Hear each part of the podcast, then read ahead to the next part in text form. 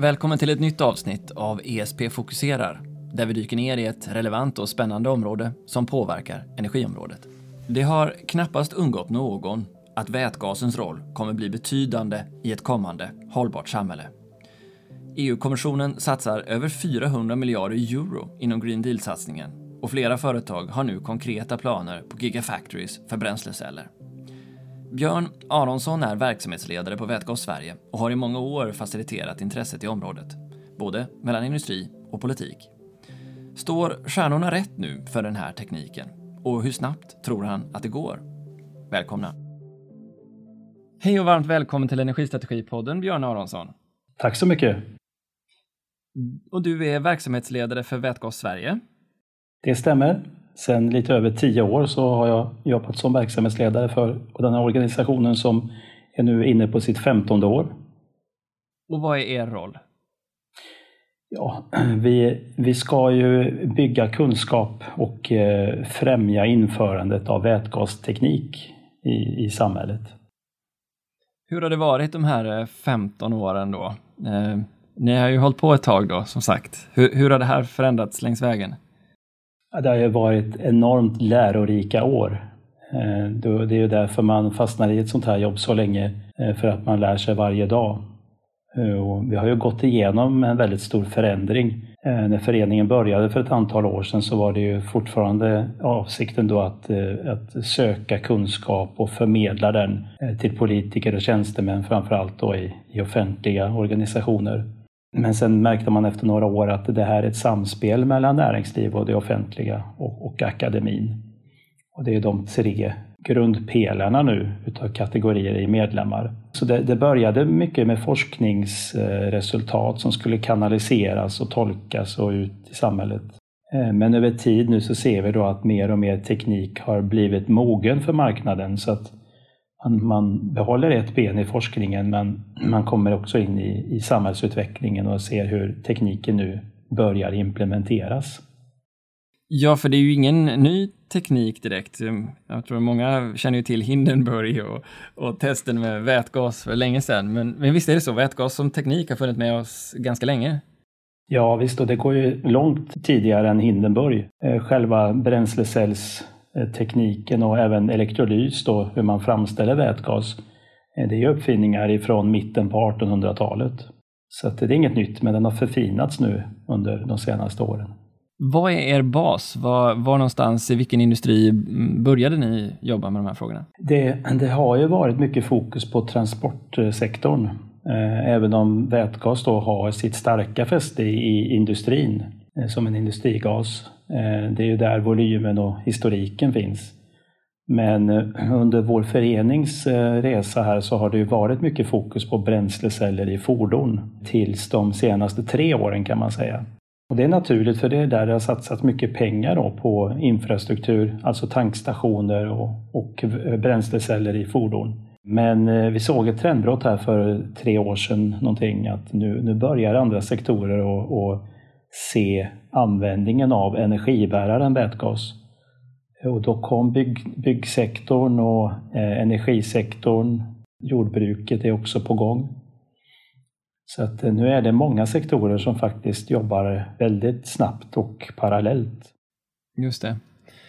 Och Kan du berätta för oss vad som har hänt rent politiskt? Vad är de här satsningarna som kommit från EU?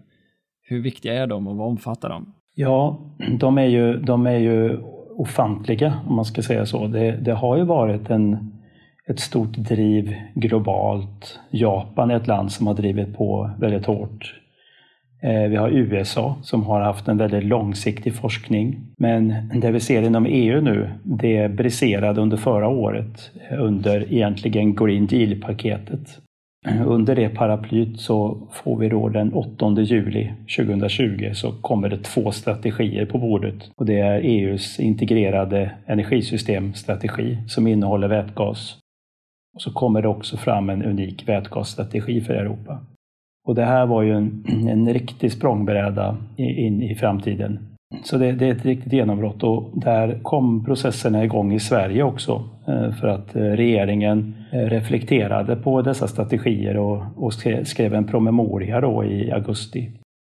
Och sen drog Fossilfritt Sveriges arbete med en, en vätgasstrategi igång. Och det var ju klart då i början, i januari här nu på det här året. Och, och vad, om du sammanfattar det för lyssnarna, vad, vad landade den i? Den, den landade ju i en, eh, i en ansats eh, som pekar mycket mot den tyngre industrin. Eh, där, man, där man ser att för att få ner emissionerna i vår tunga industri så, så kan vätgasen spela en väldigt viktig roll. Och den, den landar också i att man pekar ut vissa områden där tung industri och processindustri eh, redan idag använder vätgas i stor mängd. Och att man där också då vill gå till den gröna vätgasen. Det kommer också fram ett energibehov. När den här vätgasen ska produceras från förnybar energi så uppstår det också då ett, ett ganska stort energibehov. Eh, så det kändes som en bra förlaga. Den, det känns inte som en komplett strategi ännu. Eh, och, och, det var det inte, utan det, det, var ju det uppdraget som Energimyndigheten fick då på samma möte som Fossilfritt Sverige lämnar över vätgasstrategin så, så ger ju eh, ministrarna ett uppdrag till Energimyndigheten att nu får ni ta fram den officiella nationella vätgasstrategin. Så i vilken mån skulle du säga att det råder samsyn om vätgasens framtida roll i, i vårt samhälle idag? Eh, det, det gör det inte. Eh, Där har vi några år kvar innan vi har fått upp den kunskapsnivån hos alla aktörer och, och fått med oss riktigt alla aktörer. Så att, eh, men eh, lärotempot som man bygger upp kompetens på nu är, är ju ljuvligt att se. Det, det sker en, en enormt snabb kompetensuppbyggnad. Och det, det har skett lite genombrott tycker jag nu om man ser dialogen mellan eh, näringslivet och eh, våra myndigheter. Eh, så tycker jag att man, man visar att man, man börjar förstå systemtänket som behövs runt vätgas. Och vad är det viktiga där menar du? Vad vill du understryka i systemtänket? Ja, jag tror, jag tror mycket av det hörde vi idag här på ett, ett lanseringsevent över samarbetet mellan Daimler och Volvo. Där, där man då lyfter att det, det, är inte vätgasen som ett drivmedel som är det intressanta och som är det avgörande här, utan det är ju vätgasen som energibärare som gör att man inser potentialen och pushar oss fram att, att faktiskt nu verkställa. Och, och tittar man på Europa idag så köper vi ju in väldigt mycket olja så att eh, om man tittar på handelsbalansen utifrån ett fossildrivmedelsperspektiv så förlorar Europa väldigt mycket pengar dagligen. Här har man ju möjlighet att producera en energibärare själv som kan vara drivmedel, den kan vara insatsråvara och den kan lagra energi över tid. Så man, man, har, man har en produkt i sina egna händer där förädlingsvärdet stannar inom Europa. Okej, okay, så vi har pratat lite om den politiska samsynen, men hur är det med eh, kostnadsläget för vätgas? Den har ju funnits med, som du varit inne på, sedan 1800-talet. Ehm, vad är det som gör att den helt plötsligt ska börja sjunka i kostnad? Ja, det är ju uppskalningen i volym här som kommer påverka det. Det är en teknik som, där initialkostnaden är relativt hög om man tittar på produktionsanläggningar och, och de enheter som använder vätgas. Eh, så det, det, är väl det som har varit avskräckande, att det, det är dyrt. Insteget är dyrt när man har en liten skala. Men när, när fler intressenter kommer in och, och fler sektorer, fler branscher nu samtidigt visar intresse för det, då kommer man ganska snabbt upp i den skalan som gör en, en tipping point. Och då skalar man upp eh, till exempel produktionsenheterna går från några få megawatt upp till hundratals megawatt och även gigawatt i, i effekt. Och när volymerna går från några enstycks eh, tillverkade bränsleceller upp, upp mot miljonvolym, då får vi ju helt andra kostnader på eh, ingående komponenter. Idag, om jag har förstått saker rätt, så ligger vätgasproduktionen någonstans runt 40 till 60 kronor kilot i Sverige och för att bli konkurrenskraftig så måste den till och med ner till 30 och kanske för att konkurrera med olja ner till 9. Är det den typen av kostnadsutveckling du ser framför dig för vätgasen? Ja, alltså det, det är väldigt svårt att, att säga sådana specifika tal för vad vi ser är att det, det är väldigt olika prisbild i olika branscher. Men vad är det vi pratar om rent procentuellt då som ni ser det? Det, det, om man tittar på eh, det som påverkar produktionskostnaden till mycket stor del, det är ju elpriset in. Så betalar du 2 kronor per kilowattimme, ja då blir det dyrt att använda grön vätgas. Eh, har du vindkraft för 4 öre per kilowattimme, ja då får du ju förstås en helt annan kalkyl. Så det innebär ju att eh, tidvis, redan idag, så går det att tillverka grön vätgas som faktiskt är billigare än diesel. Men man måste ju hitta en stabilitet i de här priserna och se att över tid så måste man ner till vissa nivåer. De nivåer som lastbilstillverkarna pratade om idag här, det var 3 till 4 euro per eh, kilo för att vara i kostnadsparitet med diesel.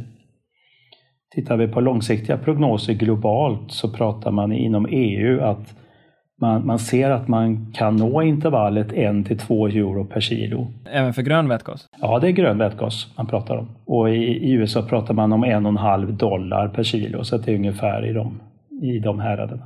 Och vad är det, är det massiva utkraft, eller byggnationer av, av havsbaserad vindkraft då som behövs eh, i koppling till, till, till de här elektrolysörerna?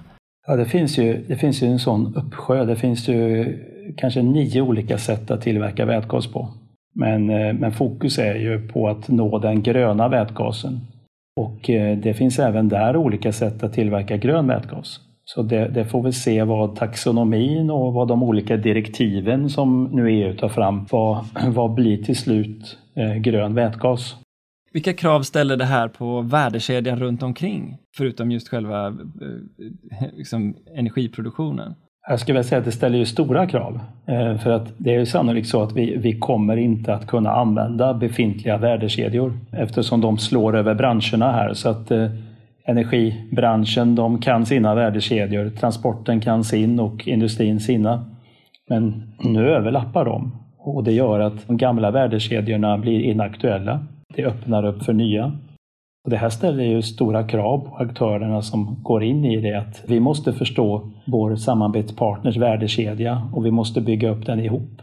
Och ja, förhoppningsvis hitta en win-win lösning där, där alla får ta del av nyttan och vinsten av det. Kan du ge något exempel? Jag tycker ett, ett, ganska enkelt exempel är väl om man ska ta en, en, ett industriprojekt där man till exempel ska eh, byta ut sin grå vätgas till grön vätgas. Eller att man plockar in vätgas eh, helt nytt för att ersätta en, ett fossilt alternativ. Den storskaliga uppskalning och det energibehov man då får, där måste man ju ha ett väldigt gott samarbete med elleverantören. Och man kanske till och med ska ha en egen vindkraftspark för att förse sitt behov. När man då har den, det tillgodosett, man får utmaningar förstås med eh, produktionen, att den är intermittent. Så man bygger upp ett energilager. Man har vätgas till sin industriprocess och eh, då är nästa steg inte långt att ja, men tänk om jag ska transportera mina produkter också på vätgas. Så att eh, jag kör mina lastbilar, mina transporter på gas. Då får vi tre sektorer som direkt samarbetar. Och när jag väl har energilagret, då har jag en försörjningstrygghet. Jag har kanske ett samhälle bredvid där många av de som jobbar på mitt företag arbetar. Och eh, det, det samhället behöver också en försörjningstrygghet. Eh, det energilagret kan ju vara, faktiskt vara intressant också för samhället att ta del av i, i krissituationer. Men det är inte som huvudsak eh, vätgas används som energilager, utan det är alltså för de industriella processerna och kanske för transport. Förstår jag det rätt då?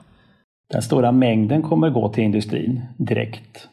Eh, men det är klart att man, man vill ju inte vara beroende av eh, ett servicetillfälle på produktionsanläggningen utan då, då bygger man ju sannolikt upp ett lager så att man har några dygns eh, produktion av vätgas som man kan fortsätta och, och med sin process. Eh, så det är det primära. Så att det, det, är ju förhållandevis liten andel som kommer att gå ut till transportsektorn jämfört med vad industrin behöver.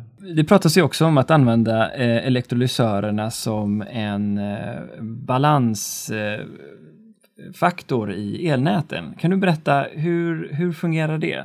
Ja, när man, om, om det är en funktion som man önskar så, så, eh, Eh, så investerar man i en elektrolysör som då är snabb. En, eh, ja, dagens PEM-elektrolysör som de heter. De har en reaktionstid som är under en sekund idag. Så att då kan man jobba med att balansera nätet. Det finns ju vissa delar i Sverige där vi har för liten belastning vissa tider och då kan elektrolysören hjälpa till då att producera vätgas under tiden som man lägger last på nätet. Eh, sen finns det andra varianter om man inte är ute efter det utan man vill ha en, en jämn produktion. Då, då kan man välja en annan teknikgren utav elektrolysörer och då får man i gengäld kanske lite mer värme som en biprodukt som man kanske har behov av i en annan del. Vilken typ av eh, verkningsgrad är vi pratar om när vi kommer till de här lite större elektrolysörerna? Det finns, det finns intervall på det där, men vi brukar säga runt 70 procent i verkningsgrad. Vi vet att de är på väg upp emot 80 procent i de kommande generationerna här, men om man ska ha ett försiktigt tal som är trovärdigt så runt 70 procent. Och om jag får bara nyfiket fråga då, om du ställer de här två eh, högtemperaturelektrolysören mot PEM-elektrolysören, är, är det två tekniker som kommer samverka på marknaden tror du, eller eh, kommer den ena dominera över den andra? Eh, de kommer att samverka eftersom man då har olika behov, som jag säger. Har du inte behov av, en, eh, av att balansera nätet, ja, då kan det vara lite billigare att gå på den andra varianten. Och du vill kanske som sagt ha ut ett, eh, ett, ett varmare vatten som biprodukt och då, då är det bättre att gå på den ena varianten. Man behöver titta på hela kedjan och se vad det är man vill åstadkomma när man gör teknikvalet. Hur mycket energimängd kan man lagra med vätgas som ni ser det? Eh, tillräckligt. Det är ett bra svar. ja, ja, men jag tänker så här, för batterier de klarar inte riktigt av än i alla fall så som det ser ut nu med någon, någon form av säsongslagring. Där kommer ju vätgas in som någon en slags eh, eh facilitator av det. Men vilka typer av volymer eh, av lagring är det vi kan prata om i energitermer eftersom det är ett rätt eh, lättflyktigt ämne så att säga. Det vill ju smita iväg genom stål och allt möjligt. Det, det finns ju allt ifrån, eh, vi har ju på kontoret här några små vätgasbatterier som man kunde köpa på eh, Naturkompaniet. Och det är en liten metallhydrid där man kan lagra energi då upp till sex laddningar utav en mobiltelefon. Det är väl de minsta lager vi ser idag. Ska vi gå upp på andra sidan på de största lager, då är det ju lager i bergrum. Eh, och då är vi uppe i kaviteter i bergrum som kan lagra eh, omkring 250 000 megawattimmar. Så 0,25 TWh som kan lagras på ett och samma ställe. Okej. Okay. Ja, det är klart att då blir det sådana volymer som också kan föra över en stor del av energimängden från en säsong till en annan. För det, det är inte så att det är tidsbeständigt detta, utan det, det skulle gå att säsongslagra också, som ni ser det? Ja, det gör det. det. det. är också en av de här myterna som jag tror man ska ta bort och det är att eh, vätgas är en jätteliten molekyl och att den eh, lätt vill igenom material. Men det vet man ju hur man ska hantera idag. Så att nu är vi nere på så små nivåer så att eh, man kan knappt mäta läckagen i, i de lagringsformerna som finns. Så att eh, det är absolut möjligt att lagra sommarens soltimmar till vintertid när elpriserna är höga. På tal om Hindenburg då och det här med säkerhetsfrågan, att det är ett lättflyktigt ämne. Vad har hänt kring säkerhetsfrågan, eh, inte minst när man pratar om vätgas i fordon och tunga lastbilar som trots allt ju krockar då och då. Hur ser det ut? Ja, det är mycket fokus på det. det. det. är inte så många som pratar om Hindenburg idag för att eh, jag tycker den eh, dokumentären som finns på Discovery Channel och på Youtube är, eh, beskriver väldigt väl vad som skedde där. Och där kan man inte plocka ut att det var på grund av vätgas, utan det var ett antal olyckliga faktorer. Och även den mänskliga faktorn igen då som var med och tog felaktiga beslut. Men, eh, ja, men säkerhetsfrågan är jätteviktig och det, det, det, jag tycker det är viktigt att lyfta upp den hela tiden. Och det som jag säger, med kunskap förtar vi rädsla. Eh, och det är det det handlar om hela tiden, att, eh, att plocka ner hur beter sig vätgas egentligen.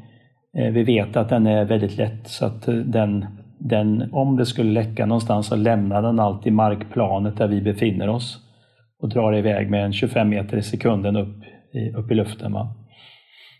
Och när man vet det så då kan man ju bygga säkerheten kring den vetskapen. Man vet också att man inte ska blanda väte och syre och man ska hålla sig ifrån gnistbildning och så vidare. Så att, eh, Jag skulle vilja säga att kunskapen den, den är stor. Kunskapen har varit relativt isolerad till industrierna där man har byggt vätgas då i, inom, inom ett eh, in, inhägnat område och med människor som är utbildade. När vätgas nu kommer ut i samhället och blir mer en konsumentprodukt Eh, då får vi ta säkerhetsfrågan ett steg till och göra ännu säkrare och smarta lösningar. Men jag, jag ser att det, fin, det, finns så fin kompetens om att hantera eh, andra industrigaser. Det har vi en väldigt stor nytta av. Det finns eh, mycket forskare, det finns internationella samarbeten i olika organ. Så att eh, man, man har adresserat det på ett väldigt seriöst sätt. Men det finns ju en, en ofantlig mängd arbete kvar att göra i och med att vi, vi kommer in i så många olika branscher nu och så många olika applikationer. Ja, precis. Det var det jag tänkte också på. Att ju fler applikationerna blir, desto större blir också eh, vikten av säkerhetstänk. Då. Men hela den här utvecklingen då, både LKABs och SSABs satsning på eh, grönt stål eller stålsvamp eh, Eh, och även H2 Green satsning eh, på stora elektrolysörer. Har ni varit beredda på den här otroliga kapitaltillskottet som eh, elektrolysörer och vätgasteknik har fått de senaste bara året? Nej, alltså det, det, när man jobbar i, i, branschen så djupt som vi gör så, så inser man potentialen. Eh, men inte att det skulle ske så snabbt och på, i så många branscher samtidigt. Det, det var nog ingen beredd på. Så det, det, var ett mycket intressant år förra året. Eh, inte bara positivt förstås på grund av pandemin men, men arbetsmängden eh, för vår del var enorm.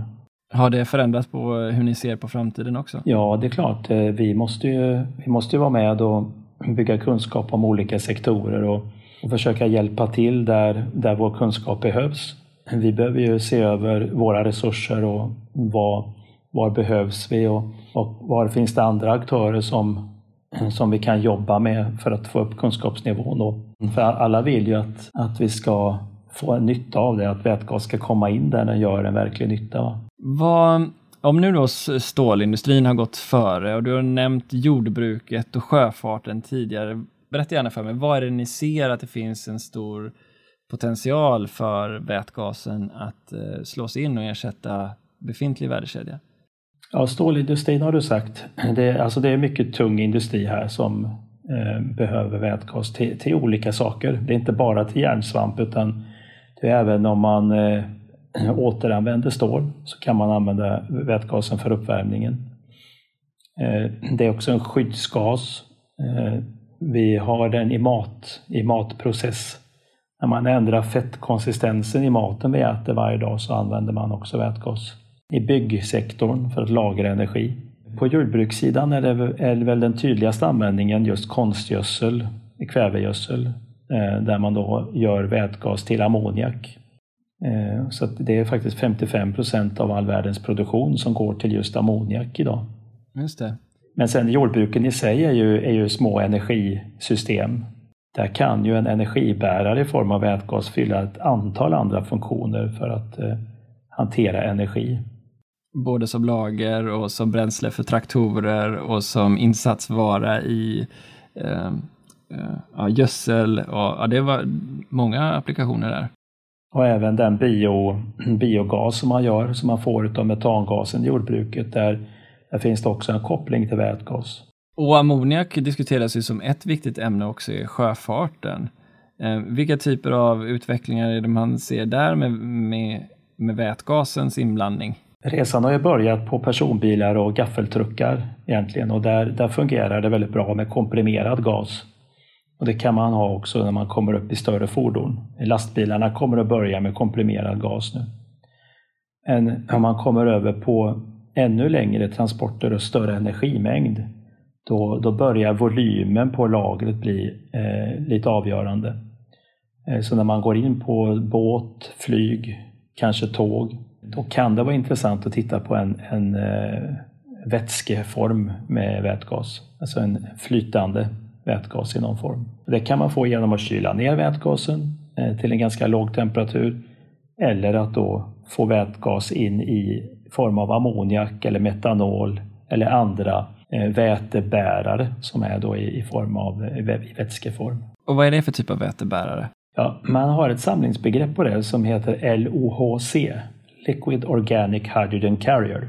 Eh, och här finns en, ett antal spännande uppslag på gång runt om i världen för att få fram en vätska som är lätt att ladda med väte och lätt att plocka ur väte. Eh, och då, då blir den ypperlig för eh, kanske framförallt båtar och kanske även för flyg. Ah. Och vad är de stora fördelarna då med, med en sån lösning? Man får med sig mer energi per volymsenhet. Vätgasen behöver, ganska, den behöver mycket volym för att få med sig mycket energi. Det är där du får en fördel i flytande form. Just det. Om man, om man relaterar energimängden i ett, eh, en, en, ett kilo råolja och ett kilo vätgas, hur stor är skillnaden däremellan? Ja, råolja vet jag inte om den var så bra, men, eh, nej, men alltså du har ju du kan få med dig tre gånger så mycket energi om du, om du går över i vätskeform. Ja, ah, okej. Okay. Det är ju flera också som har pratat om vätgasens relation till kärnkraften och att eh, kärnkraften skulle kunna vara ett, eh, ett bra komplement till elektrolysörer. Berätta lite, varför är det så? Ja, om man, om man gör vätgas från kärnkraft så kallar man den rosa, eh, rosa vätgas. Den kommer in på färgskalan här igen. En del ställer eh, vätgas emot kärnkraft men det, det kan man inte göra för att Eh, vätgasen är en energibärare och eh, man kan ju mycket väl ta el från kärnkraft och, och, och använda den i elektrolys för att göra vätgas. Eh, och man får ju även ganska mycket spillvärme i kärnkraftverken och där skulle man kunna göra vätgas av den om, om man får det. Det får man inte enligt svenska lagar, men det finns andra länder runt om i världen som har det som en, en, en mycket sannolik produktionsmetod. Man pratar mycket om det i Japan och Frankrike idag, eh, framförallt. Och varför blir det så mycket mer effektivt att göra det? Det kanske är självklart, men ändå, förklara gärna. Ja, men om, om vi tittar på den spillvärmen som blir i ett kärnkraftverk idag så släpper vi ut den i havet utanför. Och vi höjer ju temperaturen i havet här så att det blir ett helt annat forum för andra fiskar och, och annan tillväxt. Och det, det är ju det är en, en, värme som, det är en förlust helt enkelt. En energi som är en förlust, den vill man gärna ta, ta vara på. Om vi istället kunde använda den energin och göra vätgas, då, då skulle vi ju ha ytterligare en, en smart eh, fossilfri väg att eh, framställa vätgas. Det, det ligger mycket politik i det här också så att, eh, och det handlar mycket om, om lagar och regler och Eh, I Sverige har vi bestämt att vi ska inte ha några biprodukter ifrån kärnkraften. Eh, Stålindustrin går, går före, men berätta lite grann om utvecklingen nu då eh, i det som verkar ske ganska fort i, inom tung lastbilsindustri. Hur snabbt kommer utvecklingen att gå där? Det är ändå en betydande del av de totala utsläppen. Det som, det som var eh, väckarklockan är väl egentligen EUs eh, emissionskrav 2030 som, som är väldigt tydliga på tunga fordon och Eh, Eh, det är därför i princip alla lastbilstillverkare nu i Europa eh, tittar på bränslecellsutveckling. Och det slår även globalt där, där det finns en väldigt stor fördel att kunna använda vätgas och köra långa sträckor och tanka snabbt. Och man, får också, eh, man, man har inte till exempel tunga batterier utan man, man kan ha en, en payload som är väldigt lik det man har idag för en diesellastbil.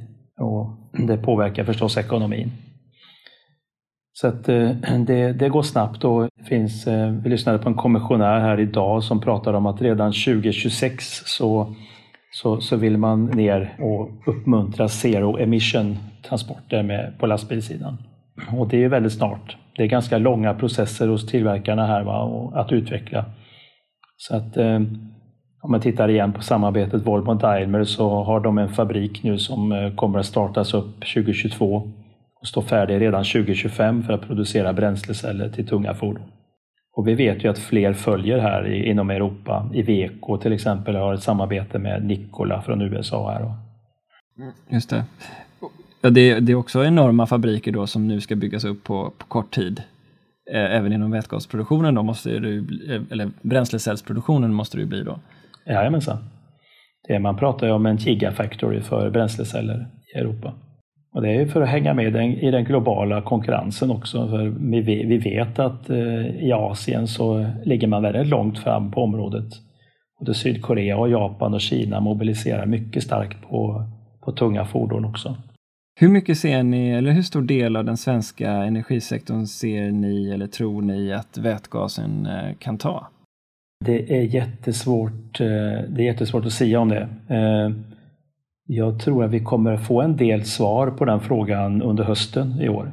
När, när både elektrifieringsstrategin och elektrifieringskommissionen och eh, Energimyndighetens eh, vätgasstrategi, när alla de tre initiativen har kommit på plats så, eh, så förväntar jag mig att vi har fått en kvantifiering där alla, alla rätta aktörerna är med så att vi, så vi får en, en siffra att kunna ta på.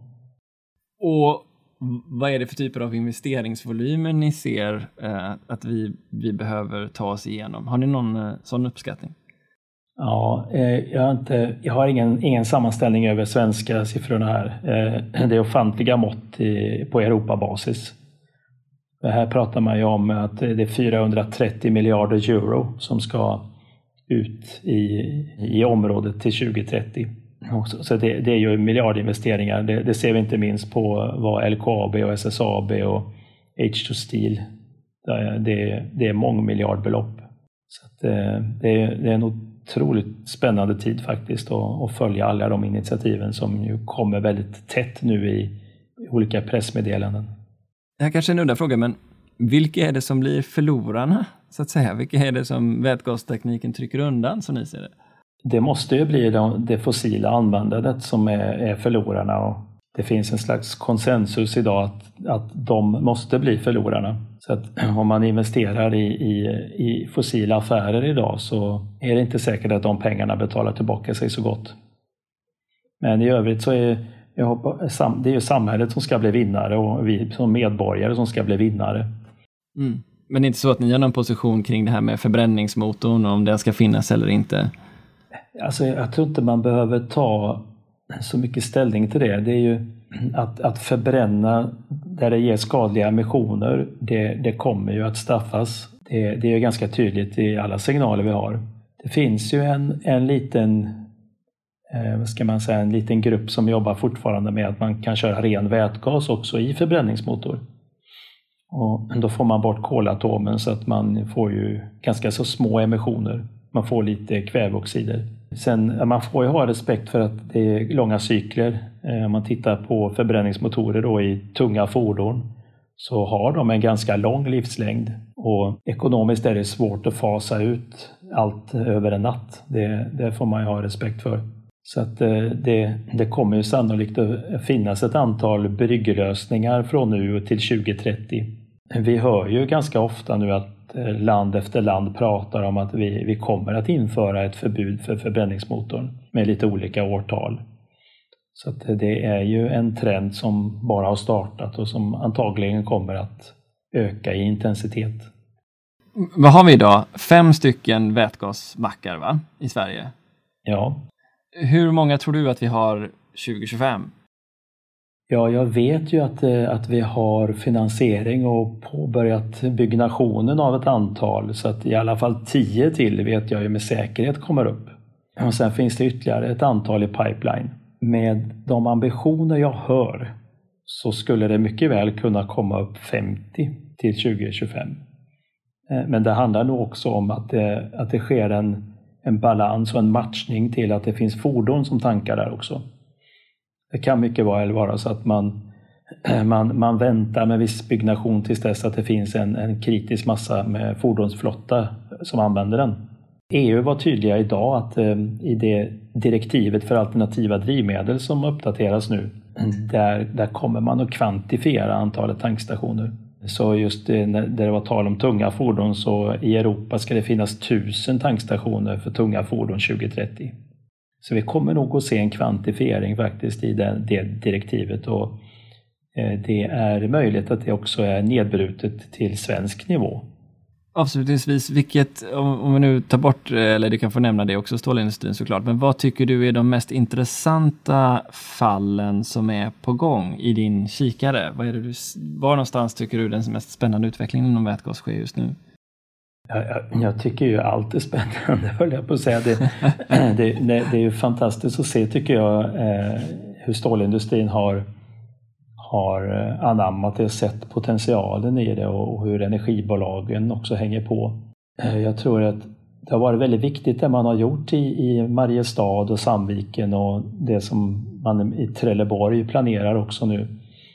Där ganska små, små orter ändå sätter in vätgas i ett systemperspektiv och, och, och börjar bygga det och, och visar att det fungerar, att det är säkert och att människor blir bekväma med att använda det.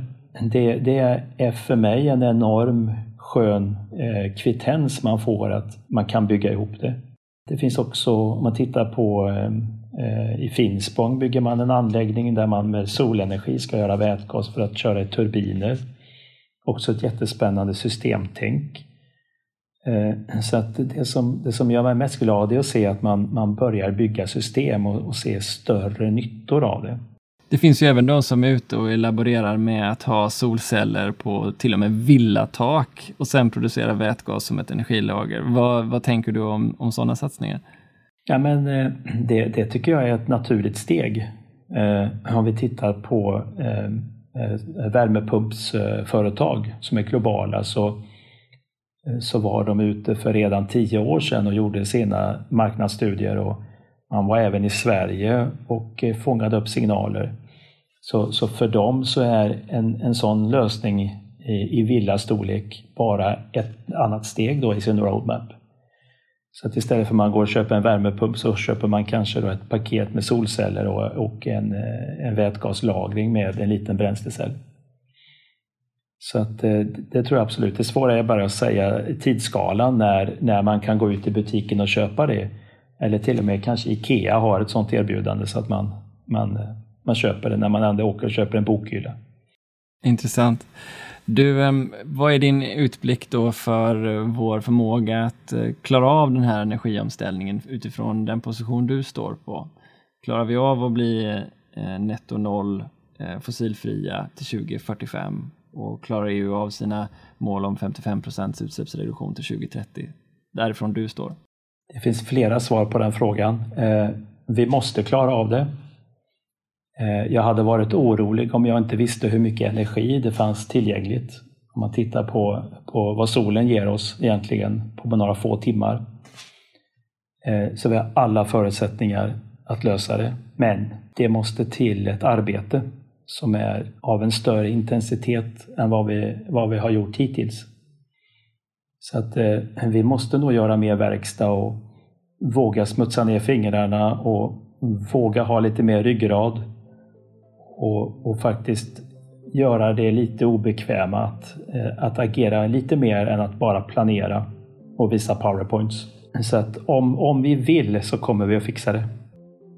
Tack så hemskt mycket för att du var med i Energistrategipodden, Björn. Tack själv för bra frågor. Podden produceras av Sigholm, er partner för förändringsprojekt och digitalisering inom energibranschen. Besök oss på våra sociala mediekanaler för att diskutera avsnittet vidare. Länk finns i beskrivningen.